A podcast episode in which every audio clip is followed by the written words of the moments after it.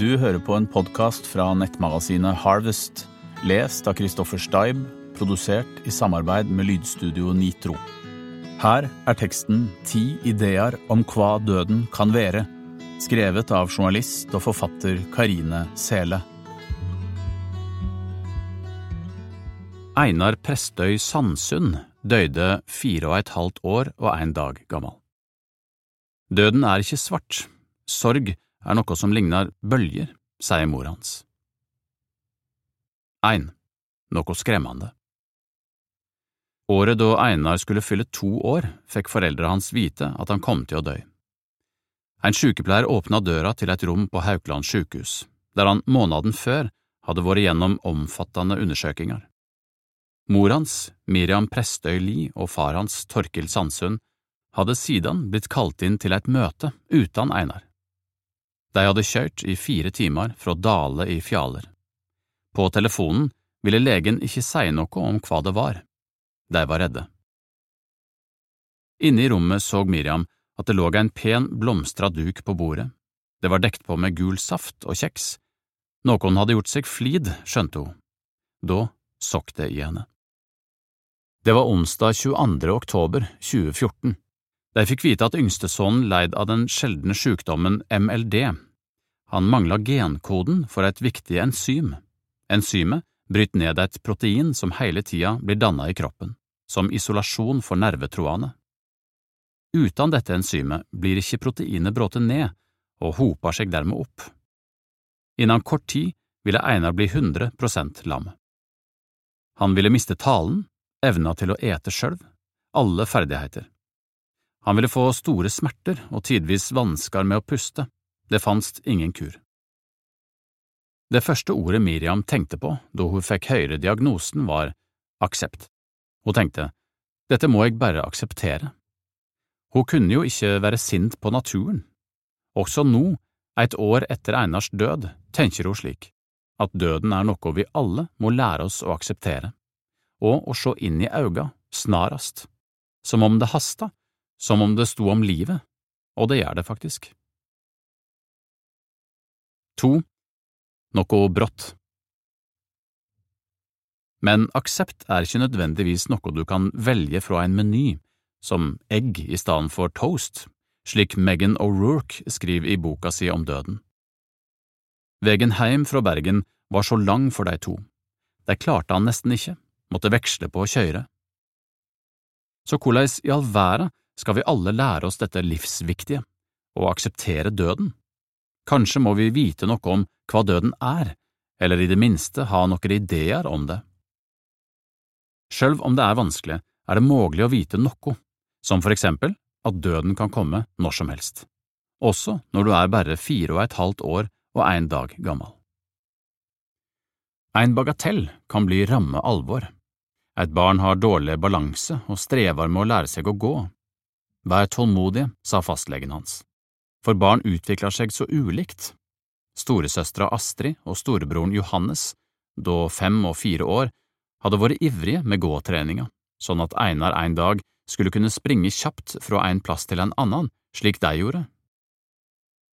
De kunne sitte på gulvet og leke sammen alle tre, så med eit, uten forvarsel, pilte de to største til et annet rom. Veslebroren måtte tålmodig krabbe etter, og havna dermed på etterskudd i leiken. Han klarte aldri helt å slippe seg, men han kunne mykje anna, bygge intrikate tårn med klosser eller tilfeldige ting han fant, prate i lange setninger, fryde seg intenst over alle påfunna til søskena, og ikke minst gjøre rampestreker, hans spesiale, slik som å klatre opp på kjøkkendisken og stjele godteri i et høyt skap. Men en dag klarte han ikke å klatre opp i sofaen hjemme hos farmor si. Dette var noe han hadde kunnet lenge, og så kunne han det plutselig ikke. Da blei legen bekymra for alvor. Han sendte deg til Haukeland for utgreiing. Sofaepisoden var i september. Februar året etter var Einar lam og hadde fått operert inn knapp i magen. Han kunne ikke lenger svelge eller snakke.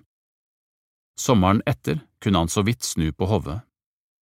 Han fikk mindre og mindre mimikk, og noen måneder før han døde, forsvant smilet hans, men han holdt fram med å lyse med hele kroppen når noe gledde han eller var spennende, husker Miriam. Føttene hans stivna, han fikk spissfot.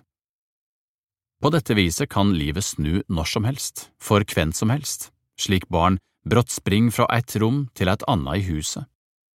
Da Torkil og Miriam kom tilbake fra Bergen, henta de barna sine hos foreldra hans, tok deg med seg hjem og sette deg i badekaret.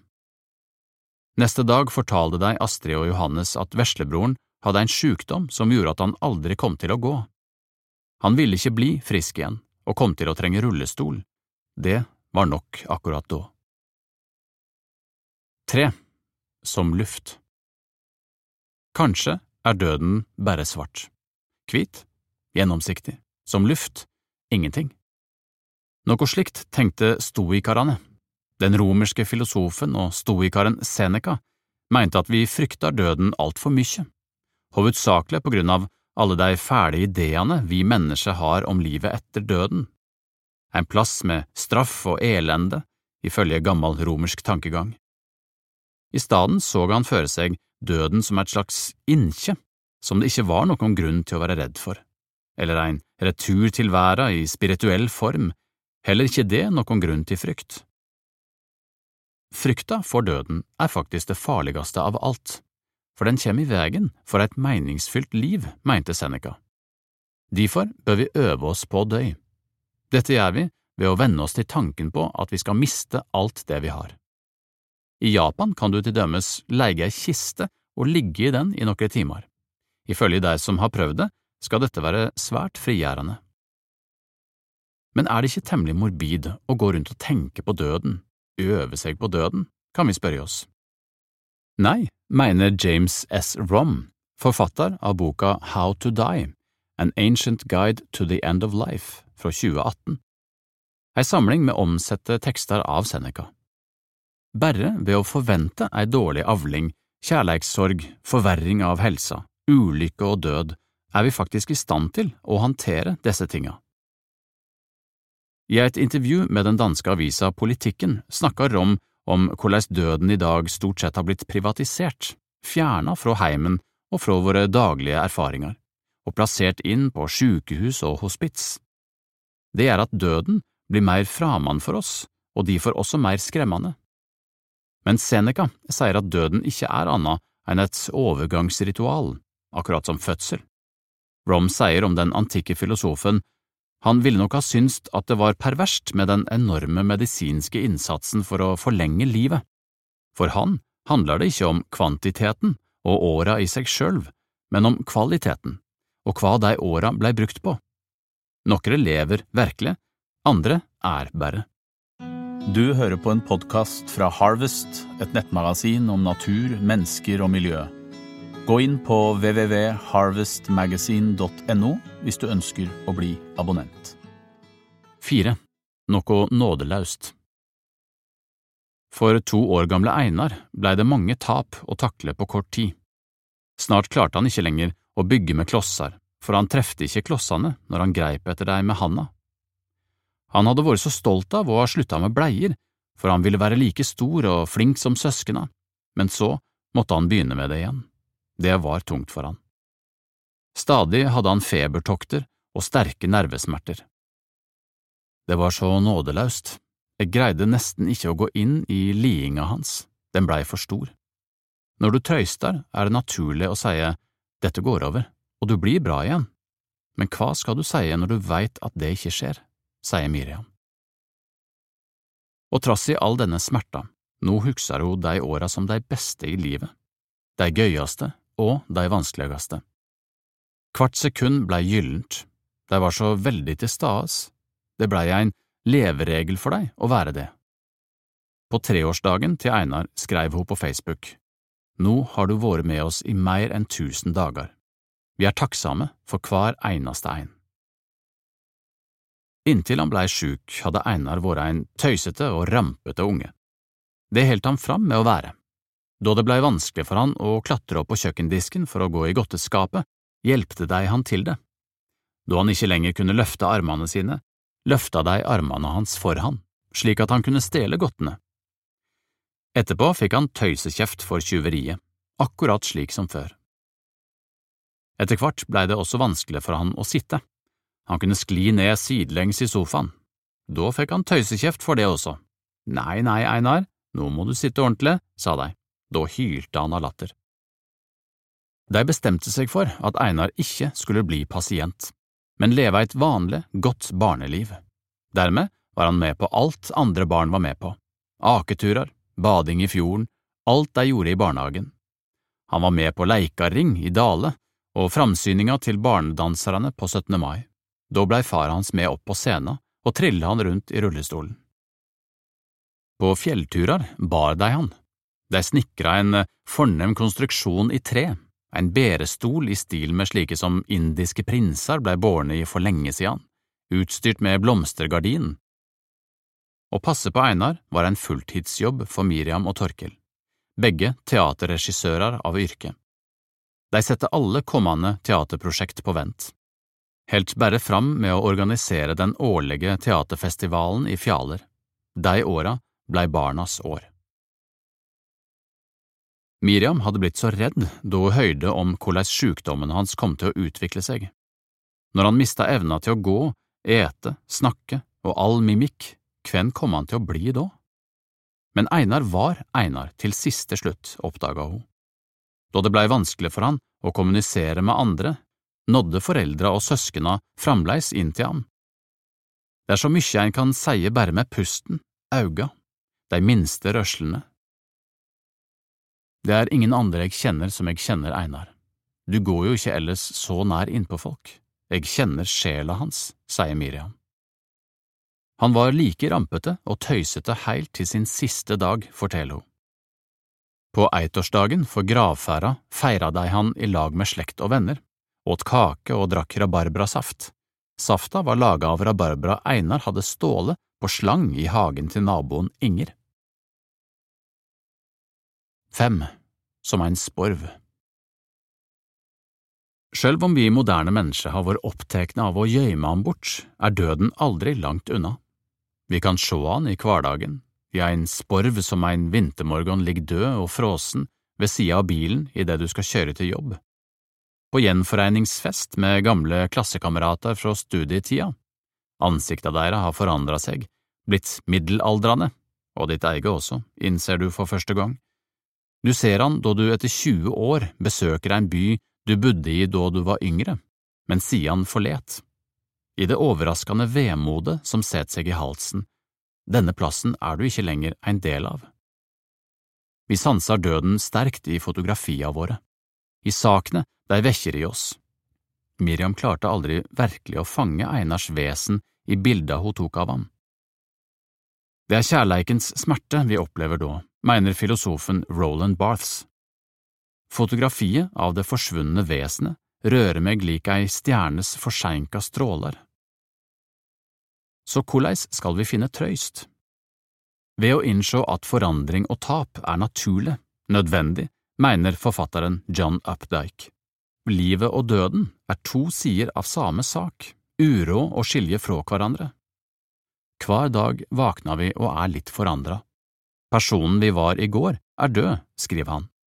Så kvifor være redd for døden, når døden kjem hele tida? Seks.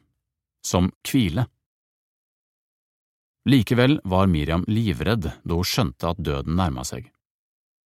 Våren 2017 blei Einar sjuk på en ny måte. Han kunne bli gloheit eller iskald, av og til helt blå. Da Johannes feira bursdag i juni, var huset fullt av bråkete unger som sprang rundt, men inne på et rom satt Miriam med Einar og visste ikke om han ville overleve dagen. Likevel reiste de på ferie. Livet måtte halde fram. Barna ville til dyreparken i Kristiansand og oppleve kaptein Sabeltann. Først drog de til Nesodden og besøkte foreldra til Miriam, fiska krabbe, bygde trehytte og bada. De feira Einars fire og et halvt årsdag med kaker og gåver. Han var svært sjuk da, og foreldra var oppe hver natt og vakte over han. Kobla han til hostemaskin når han fikk slim i lungene og sleit med å puste. Natta før han døde, snakka jeg med Einar. Vi snakka gjennom hele livet hans. Jeg sa mange ting jeg følte han måtte ha med seg. så sa jeg at Kaptein Sabeltann langt ifra var det beste av barnekultur, og at vi ikke trong dra til dyreparken nå som han var så sliten. Da kjente hun at han sukka og liksom slepte taket. Kanskje hadde han følt at han måtte stille opp, de hadde jo vært så opptekne av å leve, men nå kunne han ikke det mer. Neste morgen døde han, med hele familien rundt seg. Samme dag drog de heim til Dale med Einar i baksetet på bilen. Han var vakker, omgitt av markblomster som Johannes og Astrid hadde plukka den morgenen. Han reiste over fjellet som en konge, skrev Miriam Sian på Facebook, og det gjorde han virkelig. Foreldra hennes fulgte dei i bilen sin, og også besteforeldra fra Dale kom dei i møte. Så køyrde dei i kortesje, slik kongelige bruker å gjøre. Ved Hønefoss køyrde dei seg vill og havna på tur kring Tyrifjorden. Det var langt på natt da de endelig var hjemme igjen. Sian har de flere ganger kjørt seg vill kring Hønefoss, til ære for Einar. 7. En avskjed Hvordan møte døden? I vår tid, som er så fattig på ritual, kan det være vanskelig å vite hva en skal gjøre. Miriam og Torkil bestemte seg for å møte døden slik barn gjør det. Neste morgen så de hvordan søskna hoppa opp i senga der Einar lå, og ropte god morgen, nett som før. Så begynte de å leike rundt han. De fant fram kongekappa hans og ba om at han fikk ha den på seg. Kappa var ei gåve fra bestevennen, og den høyde til et slags heimelaga Kongen befaler-spel med lapper du kunne trekke der det sto kongelige ordrer, slik som Løft ei høne, de hadde høner i hagen. Slipp ballonger gjennom luka, til spesialsenga til Einar. Leik bjørnar under bordet. Astrid og Johannes ville spille nettopp dette spelet, for det hadde Einar ennå ikke nådd å gjøre. Men det fikk han gjøre nå, iført kappe, krone og blomekrans. I mellomtida strømde det på med folk som ville se Einar for siste gang.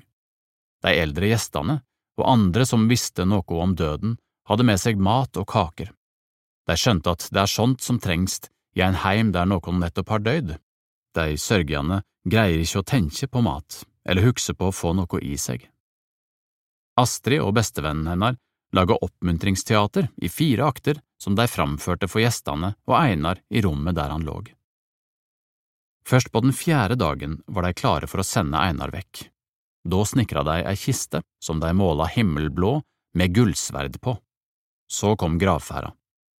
Hele barnehagen var med, og mange andre barn og voksne Einar kjente. Foreldra forklarte at han virkelig var helt død. Noen av barna var uroa for at han skulle våkne igjen nede i jorda. Vennene fra Leikarringen dansa rundt kista hans. På innsida var hun tapetsert med teikninger fra kameratene i barnehagen og Einar lå der i kongekappa si med løveungen. Astrid og Johannes la på lokket. Etter at de la kista ned i jorda, kasta barna jord på henne med plastspadene sine. Du hører på en podkast fra Harvest, et nettmagasin om natur, mennesker og miljø. Gå inn på www.harvestmagasin.no hvis du ønsker å bli abonnent. Åtte. En vakker plass. Å forstå at noen er død, tek lang tid. Det kjem ikke av seg sjølv, og det er heller ikke en prosess som går i ei rak line, har Miriam lagt merke til. Hun dansa mest av alle på teaterfestivalen den høsten, og hun var den siste som gikk hjem fra festen. Men neste dag gret hun hele dagen. Slik går kjenslene fram og tilbake, som bølger, eller som flo og fjære, hun må besøke den sorgtunge plassen i hjertet stadig vekk, og hun kommer ikke til å slutte med det. Der kan hun være sammen med Einar. Bursdager og heilagdager feirer de på grava hans. Til jul hadde de et blenkjende juletre der. De ser grava fra vindauga i huset, for kyrkjegarden er rett nede i vegen, og de klatrer ofte over kyrkjemuren inn til Einar, sjøl om det egentlig ikke er lov men Einar var jo en som elska alt slikt, det som gikk gale eller var forbådet. Av og til hender det at venner av Einar har vært der og lagt igjen ting, leiker, bamser, helsinger, Pokémon-kort. Til påske var det et påskeegg der fullt av godteri. Barnehagebarna var innom og smakte. Til 17. mai hadde de samla russekort til han og lagt dei på grava. Hun tenker på døden som en vakker plass, og tenker på den som inkje, slik som stoikarane, fungerer ikke, det blir så fattigsle, mener Miriam. Eventyr er nødvendige, og de er like virkelige som alt annet. Hvorfor ellers skjer det magiske ting? Til dømes dette. På vei hjem fra Nesodden med det døde barnet i baksetet blei de stoppa av politiet i Førde for promillekontroll. Det skjedde i nøyaktig samme busslomma der Einar ble født. Hun rakk ikke fram til sykehuset, korkje med han eller storebroren. Astrid og Johanne er ikke i tvil om hvor Einar er nå. Noen dager etter at han døde, fortalte de at han hadde blitt henta av en usynlig gullbåt med usynlig sølvskrift. Ei usynlig sol hadde lyst opp veien til havet. Nå bor han i et stjerneland med hemmelig navn, i lag med en eldre venn av familien som døde før han, Agnar. Agnar har bygd et palass til han, for mens han var i live var han så flink til å bygge. Einar har mange av de samme tinga som Astrid og Johannes, bare i gull. Han har sett opp Gaularspelet i Stjernelandet, omtrent på samme tida som faren gjorde nede på jorda. Han er akkurat like rampete som før, så Agnar har et svare strev der oppe. Helst vil han bare sitte og legge kabal, men det kan han ikke lenger, nå som Einar er der. Astrid og Johannes rapporterer rett som det er fra Stjernelandet, en plass som stadig er i forandring. Nyle døde kyllingen deres, og da reiste den også opp dit. Nett som på jorda er ikke alt bare fryd og gaman. Det finst ei svart stjerne der. 9. Det som er igjen av oss Forandring, framgang, vekst. Dette handler livet våre om, eller slik kjennes det i alle fall. Sjølvkjensla vår er så sterkt knyttet opp til ideen om potensial og utvikling, den personen vi ønsker å bli en dag, den framtida vi jobber så hardt for. Så hvem er vi, og hva er igjen av oss når den framtida med eit fell vekk? Den unge og ambisiøse nevrokirurgen Paul Kalaniti, som døde i mars 2015, tenkte mye over dette da han blei dødssjuk av kreft midt i 30-åra. Like før han døde, fikk han ei datter. Hva skulle han si til henne? Hva ord skulle han etterlate som kunne gi mening når hun en dag blei stor nok til å lese deg? Beskjeden blei enkel. Når du kommer til en av de mange øyeblinkene i livet der du må fortelle om deg sjølv, si noe om hvem du har vært og hva du har gjort, og hva du har betydd for verden, så ber jeg deg inderlig om én ting. Husk å fortelle at du fylte dagene til en døende mann med fryd, en fryd jeg aldri hadde kjent til i åra før, en fryd som ikke hungrer etter mer, men som hviler i all sin fylde. 10. Djupne Kort tid etter at de fikk diagnosen, sto Miriam på badet og pussa tennene til Einar. En tanke dukka opp i hodet hennes. Hvorfor gjør jeg dette? Hun kjente på meningsløyse. Etterpå skjønte hun at hun måtte lære seg å elske Einar på en ny måte. Inntil da var så mye av det å være mor knyttet opp til framtid, å hjelpe barnet med å utvikle seg. Det er et grunnleggende suksesskriterium for foreldre, og for mennesker generelt, men for Torkil og Miriam ble det uvesentlig. Toåringen deres hadde ingen framtid, bare notid. Dermed fikk han dem til å oppdage notida til fulle, at livet ikke er uendelig, men øyeblinken kan være uendelig djup. Han møtte døden med ei tapperheit jeg ikke kan forstå, ei evne til å frye seg og et ekstremt tålmod, sier Miriam. Den dag i dag, når vi for eksempel står på ei høg klippe og lurer på om vi skal tore å hoppe i havet, tenker vi på han. Da sier vi, nå må du være like modig som Einar, og da er det ingen vei tilbake. Du har hørt journalist og forfatter Karine Seles tekst Ti ideer om hva døden kan være, lest av Kristoffer Steib og produsert i samarbeid med lydstudioet Nitro. Harvest er et nettmagasin om natur, mennesker og miljø. Gå inn på www.harvestmagazine.no hvis du ønsker å bli abonnent.